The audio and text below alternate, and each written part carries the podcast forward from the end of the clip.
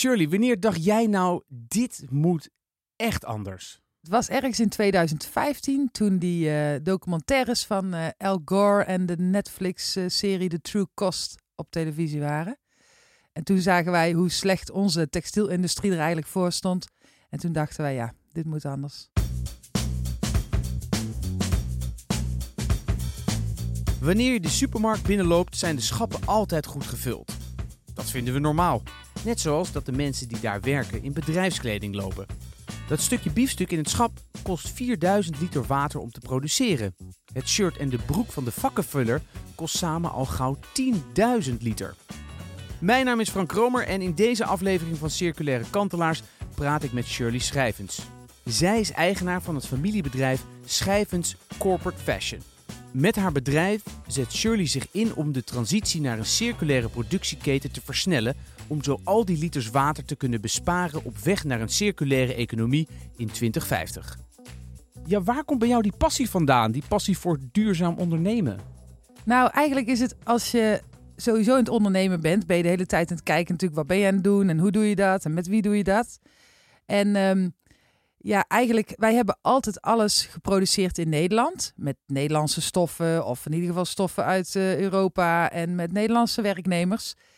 En op een gegeven moment kreeg je die transitie naar het buitenland. Hè? Dus dan waren de lage lonenlanden in andere landen aantrekkelijker dan. Uh, of de lage lonen waren aantrekkelijker dan in Nederland. Heb je het over Azië? Ja, uiteindelijk Azië. Ja, dat begon, de transitie begon natuurlijk eerst met Portugal, Joegoslavië. Weet je, de Balkanlanden kwamen op. Toen Turkije, nou, later China, uh, Pakistan, Bangladesh. Um, ja, en op dat moment begint uh, eigenlijk de, de duurzaamheid om de hoek te kijken. Want waar wij in Nederland in ons atelier natuurlijk prima alles voor Nederlandse lonen deden, met veiligheid en uh, alles erop en eraan. Ja, zag je natuurlijk in Azië hele andere fabrieken. En dan, dat, dan heb je eigenlijk je eerste verantwoordelijkheid die je moet nemen op de sociale duurzaamheid. Dus daar begon eigenlijk het eerste stuk al met omdenken. Van goh, kunnen we dit, uh, kunnen wij in ieder geval het stukje wat wij doen anders doen daar, uh, zoals we het gewend waren in Nederland. En het, wanneer kwam het andere duurzame aspect om de hoek kijken? Nou ja, toen kwam uiteindelijk, dus dit is het sociale stuk, uh, zodat je de mensen daar allemaal goed betaalt en het veilig is en fatsoenlijk. Uh, en toen in 2015 zagen we de documentaires over het milieu. Ja, jemig, weet je, toen we dat zagen dachten we, oh, we, we waren zo lekker op dreef. Maar toen bleek in één keer dat onze kleding ook nog eens heel veel milieu-impact had. Dus toen konden we eigenlijk voor mijn gevoel weer van vooraf aan beginnen. Van ja, hoe gaan we dit nou weer anders doen? Shirley is de vijfde generatie die het bedrijf runt. Het was voor haar overduidelijk dat het roer om moest. Maar wat vond haar vader er eigenlijk van? En hoe gooi je het roer om binnen een familiebedrijf zonder dat je het niet doet wat al die generaties daarvoor hebben neergezet? Mijn vader die was wel een beetje op zijn hoede in het begin natuurlijk. Want ja, die, die komt echt uit een economisch model, hè, kapitalistische wereld.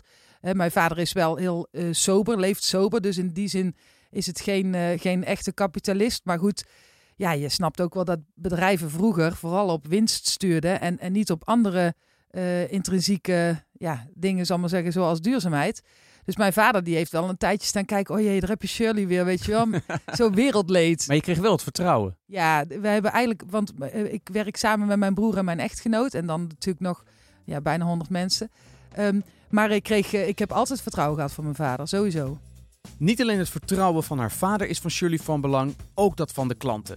De HEMA en de Albert Heijn zijn slechts twee voorbeelden van klanten die besloten om mee te gaan met haar duurzame visie.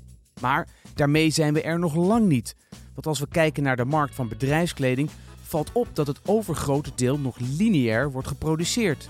Shirley is daar met haar bedrijf een uitzondering op. Ik denk dat wij echt een van de weinigen zijn die al zo ver zijn. Um, sowieso in de bedrijfskleding zijn er wel al veel spelers bezig. Uh, we steken elkaar wel een beetje aan en dat is goed natuurlijk. Maar uh, ja, de bedrijfskleding is uh, maar een klein onderdeel van de totale textielindustrie natuurlijk. Als je naar de mode kijkt, die, ja, laten we even voor het gemak zeggen, dat is 90% en bedrijfskleding nog geen 10. Dan heb je nog natuurlijk gordijnstoffen en meubelstoffen. Dus eigenlijk zijn wij maar een hele kleine niche.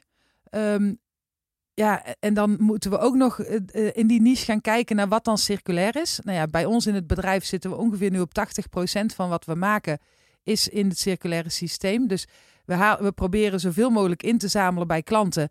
En we proberen ook zoveel mogelijk uit te leveren in ons circulaire garen. Dus daar zijn twee kanten. En ik denk dat we nu ongeveer op de helft uh, van wat we uitleveren komt ook terug. Want je moet klanten ook opvoeden om het uh, terug te sturen. En uh, ja, dat 80% van wat we uitleveren is gemaakt van circulair garen. Maar ja, wij zijn natuurlijk, als je dat allemaal optelt op die hele grote markt, ook maar een, ja, ik denk dat wij een miljoen kledingstukken maken. Dus, uh... Ja, maar toch zou ik zeggen, nou juist bij bedrijfskleding, bedrijven kunnen zeggen, we willen het duurzaam, dan kunnen ze in één keer heel veel bestellen. Zeg maar echt circulaire bedrijfskleding. Klopt, en daarom zijn er ook wel veel nieuwe klanten bijgekomen. Zo'n Albert Heijn en een McDonald's hadden we waarschijnlijk niet eens gehad als we niet zo duurzaam produceerden. Die zijn echt wel uh, bij ons terechtgekomen. Nou ja, uiteindelijk moet je alle dingen natuurlijk goed geregeld hebben, maar de eerste stap die ze gezet hebben kwam vanwege de duurzaamheid, dat weet ik echt zeker. Dus dat is wel tof dat je ziet dat zelfs ook die corporate bedrijven daar echt wel keuzes voor maken nu. Kun je eens uitleggen, hoe ziet die reis van jouw product eruit? Nou goed, laat ik beginnen bij het uh, inleveren van de klant van hun oude kledingstuk. Hè. Dus de, nou, een Albert Heijn medewerker heeft zijn polo afgedragen en die uh, levert hem bij ons in. Die polo die moet eerst nog ja, gemutileerd worden, noemen ze dat. Dus uh, een paar haksels erin, want anders mag je niet de grens over, omdat hij dan als een soort van tweedehands kledingstuk gezien kan worden. En dan gaan er allerlei douaneregels gelden. Dus dat is interessant als er mensen zitten te luisteren die iets met douane doen. Van, goh, hoe kun je dat soort dingen nou veranderen uh, in, in de, ten bate van de circulaire economie. Ja, want, maar is dat erg voor het product later, voor het circulaire nou, product? Nou, dat niet, maar het kost extra geld natuurlijk, want het is een extra handeling. Wij moeten gewoon in Nederland mensen uh, hebben staan, en, en die hebben we, die zijn, doen het ook hartstikke goed. Dus dat is ook helemaal niet om hun baan, zeg maar, uh, uit te schakelen. Maar het is natuurlijk wel een beetje gek dat je hier iets moet vernietigen, wat je dan vervolgens uh, over de grens nog een keer moet vernietigen. Dus ja, dat is één handeling te veel. En alles wat te veel is, kost geld. En alles wat te veel geld kost, staat eigenlijk een transitie in de weg. Nou goed, anyway, die polo die wordt dus uh, één keer uh, doorgehakt en die gaat vervolgens in ons geval naar Turkije. Daar staat een recyclefabriek. Die haalt heel die polo uit elkaar. Hè. Die wordt helemaal geschredderd, noemen ze dat. Dus die, die door een ja, met, met van die spikies wordt dat uh, uit, uitgepluist, letterlijk. Nou, en van die pluisjes kun je weer nieuw garen maken. Wij zorgen wel dat we bij die oude kledingpluisjes ook nog pluisjes toevoegen uit snijafval en ook uit gerecyclede polyester. Dat is uh, zeg maar al het, het rest, de reststof die bij productie al van de, ja, van de tafel afvalt, om het zo maar te zeggen. Dus uh, maar dat is natuurlijk nog niet gewassen, dat, dat uh, deel. Dus dat is veel sterker dan een polo van Albert Heijn die al honderd keer gewassen is. Dus die voegen we dan ook toe. En we voegen daarnaast nog een beetje polyester toe. Um, en die polyester is ook uit gerecyclede materialen. Dus bijvoorbeeld uit sportkleding en uit uh, petflesjes en uit visnetten en van alles. Um, en, en die drie stromen bij elkaar maken weer een één nieuw garen. Dus dat is wel een 100% gerecycled garen. Uh, maar het is niet zo dat je van één polo één nieuwe polo exact kunt maken. Want ja, dan zul je zelf snappen. Als iets al zo vaak gewassen is, dan wordt, ja, moet, moet er natuurlijk iets bijgemengd worden om een goede kwaliteit te maken. Nou, uiteindelijk dat garen, dat zetten wij dan vervolgens weer door naar de volgende schakel. Dat is dus in dit geval bijvoorbeeld de wever of de breier. Dan gaat het naar de ververij en dan weer naar het naaiatelier. Die maakt daar weer een nieuwe polo van en die komt weer terug naar Nederland, naar Schijvens. En die leveren wij weer uit aan onze klanten. Het blijft dus een uitdaging om producten volledig te hergebruiken. De keten die is groot en er zijn veel verschillende schakels die allemaal hun eigen taak hebben. Om dat proces soepel te laten verlopen, legt Shirley uit waarom samenwerking eigenlijk het allerbelangrijkste is. De allergrootste uitdaging, uh, en ook de leukste misschien zelfs wel, als iemand circulair gaat ondernemen, dan moet je echt voor je zien, het is een cirkel. En wie heb je nodig in die cirkel? Dus je moet zorgen dat je juist heel erg gaat samenwerken. En dat is superleuk. Dat, hebben, doen wij al, nou, ik denk al meer dan tien jaar met onze huidige keten. Die, die, al die producenten hebben we echt zorgvuldig uitgekozen op allerlei ja, waarden. Die samenwerking is essentieel om ervoor te zorgen dat jouw circulaire product door die hele cirkel heen stroomt. En dat iedereen uh, zeg maar met elkaar en van elkaar leert om het product steeds te verbeteren. Want de eerste keer dat wij dit deden was in 2017. Ja, toen was het garen nog lang niet zo sterk als wat het nu is. Maar door samen te werken en door, van, door naar elkaar te luisteren, door die groep bij elkaar te brengen en te zeggen: Goh, beste recyclaar, als jij nou dit verandert, beste wever, als jij nou dit verandert en goh, in de ververij kun je beter het zo aanpakken, dan krijgen we dus een perfect garen. En samenwerking is natuurlijk superleuk. Als we het hebben over een circulaire economie, dan gaat het vaak ook over de echte prijs van een product. In het vorige seizoen van Circulaire Kantelaars kwam dat ook al ter sprake. Jos Keurentjes, voorzitter van de transitieagenda Kunststoffen, zei dit daarover. Het zal er uiteindelijk op neerkomen dat de burger, de, de, de Nederlander, zal moeten gaan accepteren dat dingen een echte prijs hebben. En die echte prijs is, uh, die is hoger dan de prijs die wij op dit moment voor allerlei dingen betalen. Dus we zullen met elkaar moeten gaan accepteren dat het alleen maar meer uiteindelijk niet aan de orde kan blijven zijn. Als dat veel meer in de, uh, in de, in de, in de, in de standaard gedachte en het standaard uh, gevoel komt, accepteer je ook dat, dat daar dus een prijs aan hangt die uh, die, echt is en die dus uiteindelijk ook maakt dat we een, een duurzame samenleving kunnen realiseren. Maar met alleen maar meer consumeren gaan we daar niet komen. Ja, de vraag is wat voor een effect heeft dit op de kosten van een eindproduct en hoe berekent Schijvens Corporate Fashion dit door aan de klant? Nou, wij maken al een open kostprijscalculatie en die, die, die, delen wij ook, dus die maken wij met onze keten. Dus iedereen elk onderdeel van de keten geeft eerlijk aan: oké, dit heb ik allemaal nodig voor elk onderdeeltje. Um, en uiteindelijk wil iedereen een beetje winst maken, dus dat wil, zet je er ook in. En dan geef je het open aan de klant en dan laat je zien: goh, dit is dus de echte prijs. En als die klant zegt, ja, daar is buiten mijn budget, prima. Wat kunnen we dan doen om het naar je budget te krijgen? Moeten we dan misschien een logootje eraf halen of een zakje minder? Ja, of, of ga, je, ga je ten koste van de duurzaamheid dingen aanpassen? Wij doen het niet, maar dan zeg ik, ja, dan loop naar de concurrent, en dan ga het daar maar vragen. Maar over het algemeen zie ik dat op het moment dat jij een, prijs open uh, gooit, um, dat er zoveel vertrouwen onderling ontstaat, dat er, dat er dus, uh, moet zeggen, dat die klant ook vaak geneigd is om die prijsverhoging te betalen, omdat hij ziet waar die prijsverhoging naartoe gaat. En als we nou eens verder kijken, hè, um, kun je misschien een beetje uitleggen wat de belangrijkste stappen zijn om de productie nog duurzamer, nog circulairder te maken? Um, dat zijn eigenlijk twee dingen. Uh, het eerste is dat er nog klanten zijn die in contracten, waar we contract mee hebben, waar we dus de huidige collectie nog leveren in uh, Virgin. Nou, die zijn we nu allemaal wel aan het omzetten. Want wat ik zeg ook, de meeste klanten gaan daar gewoon wel in mee uiteindelijk, als je een goed, goed voorstel hebt. Uh, maar goed, dat heeft tijd nodig en dat is dan zeg maar de helft van, de, van het restant. En dan de andere helft is bijvoorbeeld technische uh, uitdagingen. Um, bijvoorbeeld, ik zeg maar even iets, uh, je kunt uh, polyester heel goed smelten en dan recyclen. Alleen op het moment dat er een polyester jas een coating, een waterdichte coating heeft, die dan bijvoorbeeld van PVC gemaakt is, dan kun je die twee dingen samen niet smelten. En je kunt die coating er niet afkrijgen. En je kunt, natuurlijk kun je dingen uit elkaar trekken. Als jij, weet ik veel, een knoop hebt op een kledingstuk, die kun je eraf halen. Maar een coating die helemaal vastgelijmd is op een polyester drager, die kun je dus niet samen recyclen. Dus nou ja, die issues heb je dan.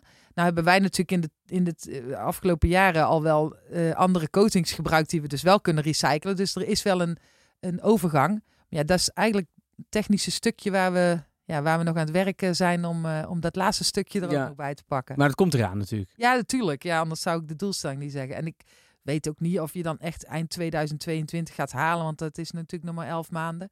Maar we, we dagen onszelf graag uit. Dus eigenlijk zeg je, het hele systeem moet dus worden aangepast zodat het circulair het nieuwe normaal wordt een beetje. Hè? Want uh, je moet dus eigenlijk al helemaal in de eerste fase nadenken, dus die ontwerpfase van, goh, hoe gaan we die circulariteit toepassen? Als we daar nou eens op voortbeduren, zijn er in de textielbranche al initiatieven die uh, dat stimuleren? Er is wel een, uh, een UPV, noemen ze dat, uh, opgetuigd. Een uitgebreide producentenverantwoordelijkheid. Die is opgetuigd door het ministerie en ehm, in samenwerking met de branchevereniging.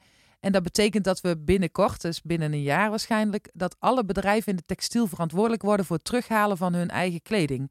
Dus niet alleen bedrijfskleding, maar ook mode en, en alle andere. En dat ze dus ook verantwoordelijk worden voor het uiteindelijk goed ja, verwerken van die, van die retourstroom. Door middel van recycling of hergebruik of ja, weet je wel, tweede keus uh, aanbieden. Um, dus dat is eigenlijk wetgeving die eraan komt, die denk ik heel veel gaat stimuleren. Want dan moet je wel als bedrijf, anders voldoe je niet aan de wetgeving. we hadden het eerder over, je, je hebt een familiebedrijf natuurlijk. Hoe ja, aantrekkelijk is het om bezig te zijn anno 2022 met ja, zo'n circulaire bedrijfsvoering versus bijvoorbeeld als je het gewoon op de oude manier had gedaan? Ja, heel aantrekkelijk. Ik vind het heel leuk. Ik vind het leuk omdat het, je, doet, je hebt het gevoel dat je het beter doet dan wat het lineair was. En daarnaast ontwikkel je jezelf. Hè? Want het is best wel, best wel pittig natuurlijk. Omdat je, ja, ik heb wel een beetje verstand van uh, bedrijfskleding. Maar, maar niet van, feitelijk niet van recycling of van chemische recycling al helemaal niet. Weet je, dus je moet jezelf uh, wel ontwikkelen en overal maar over na blijven denken om het te verbeteren. En ja, ik denk dat dat ook wel een van de dingen is die je graag in je leven wilt, toch? Dat je, dat je door blijft ontwikkelen in plaats van dat je stilstaat. Dus ik vind het eigenlijk alleen maar leuk. Ik snap ook niet zo goed waarom mensen niet de moeite nemen om het ook zo te gaan doen. Want ik denk dat er heel veel bedrijven zijn die gewoon helemaal niet eens beginnen. Dan denk je, joh, waarom zou je het niet doen? Het is, het is echt heel hartstikke leuk. Niet alleen bedrijven zijn verantwoordelijk voor het mogelijk maken van een circulaire toekomst. Ook de consument speelt daarin een grote rol. Volgens Shirley moeten we daarom anders om leren gaan met de kleren die we al hebben. De verantwoordelijkheid ligt bij de consument, maar ik denk ook wel dat we allemaal een beetje gek gemaakt zijn natuurlijk hè, door de grote marketingmachines. Um, bijvoorbeeld, nou ja, als je naar een, uh, een feestje gaat of zo, dan, en je gaat naar dezelfde feestje, of tenminste dezelfde vriendengroep, dan is het dan zogenaamd not done om dan twee keer dezelfde jurk aan te trekken of zo. Bij een bruiloft, weet je wel.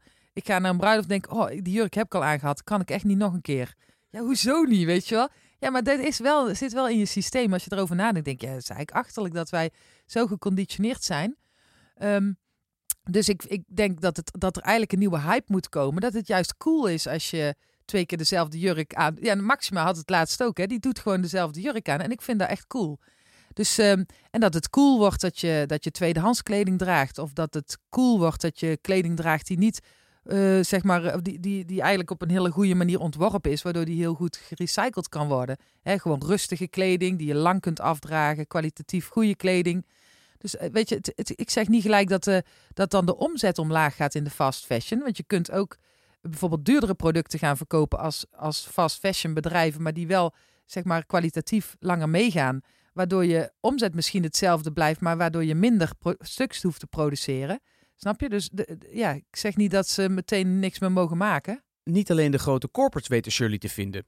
Ook de fast fashion industrie klopt bij haar aan voor advies. Modebedrijven, ja, werken we wel mee samen. We hebben bijvoorbeeld ook uh, samenwerking in dezelfde fabriek. Met, we werken in dezelfde fabriek met uh, Zeeman en uh. Dus daar kun je dan hele leuke dingen mee samen doen natuurlijk. En, en bijvoorbeeld ook het recyclestuk. Hè? Dus dat, we hebben ook modemerken die bij ons de jeansbroeken naar binnen gooien. En die laten wij op dezelfde boot mee teruggaan naar Turkije. als onze bedrijfskleding. Ja, waarom zou iedereen dan op dat moment het wiel opnieuw moeten uitvinden? Dus... Ik denk dat er best wel wat kansen liggen voor ondernemers in, in überhaupt de, de, textielbranche. Als nou ondernemers die stap willen maken, welke tips zou je ze meegeven? je moet eerst eigenlijk een beetje naar je organisatie kijken. Van wat maak je nou of wat, wat doe je nou? En wat kan dus. Wat, wat is eigenlijk de huidige impact? Hè? Dus je moet wel weten waar je het over hebt. Want je kunt wel iets gaan verduurzamen. Maar als het, het andere stukje wat je links laat liggen veel, veel meer milieu-impact heeft. Ja, dan moet je eigenlijk dat eerst aanpakken. Maar daar heb je soms wel hulp voor nodig. Dus ik zou zeggen, kijk eerst naar je eigen processen of producten. Uh, laat iemand die daar verstand van heeft ook de milieu-impact uh, berekenen kies dan van waar ligt dan je grootste risico of waar, waar ligt je grootste win. En ga daarmee in de slag. En, en vervolgens moet je dus samenwerking gaan zoeken. Dat is echt essentieel. En samenwerking kun je eigenlijk alleen maar door jezelf kwetsbaar op te stellen in die keten. En door uh, zeg maar niet als een merk te dicteren hoe jij het wil, maar dat je samen gaat kijken: oké, wat is iedereen's belang en wat willen we met z'n allen bereiken? En daar dus open in zijn en ja, met elkaar vertrouwen winnen absoluut essentieel. Ja, en dan gewoon ervoor gaan. Dat is eigenlijk de derde tip. Eh, eh, gewoon doen. Weet je morgen beginnen, overmorgen de eerste stap zetten en volgende week de tweede stap. En zo kom je ergens. Weet je, niet denken van, oh, super eng. Gewoon gaan doen. Dit was Circulaire Kantelaars. Ben je benieuwd hoe andere ondernemers het circulaire vraagstuk tackelen? Luister dan naar de andere afleveringen in deze serie. Mijn naam is Frank Kromer. Dag.